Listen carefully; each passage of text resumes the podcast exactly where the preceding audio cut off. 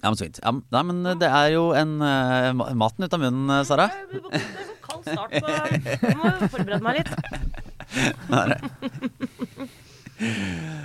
Da, nei, men det, da er det, det er jo en eh, Det ligger ute en eh, fersk episode av Aftenposten også denne uka. eh, hos Podmy Podme eller i eh, Aftenposten-appen. Eh, så der anbefaler vi alle å gå inn og høre. Vi kan jo kjapt oppsummere litt hva vi akkurat har snakka om, Trine. Det var litt store økonomiske temaer i dag. Ja, store, viktige ting. Pensjon revidert og sånn. Men det som jeg vil bare eh, ha lov til å si, er selv om jeg elsket min egen russetid, så har jeg nå begynt å helle mot at svenskene gjør det bedre.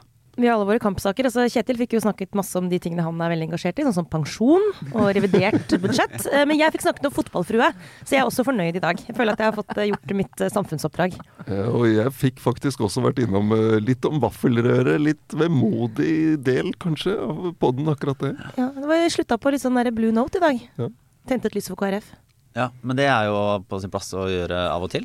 Eh, vi er jo stille og ville vekk vi, med, med råd og gode tips, eh, og, og omsorg, ikke minst, for minst, eh, det politiske. Norge. Ja, absolutt. Empatisk ledelse kalles det. Ja. ja, det er veldig riktig. Nei, men Episoden ligger ute, så det er bare å gå og høre. Hvis du er Aftenposten-abonnent, så kan du også få tilgang til Podme via aftenposten.no slash podme, helt uten ekstra betalinger der. Så er det en mulighet. Hør, hør! Episoden ligger ute. Det er Aftenposten også denne uka.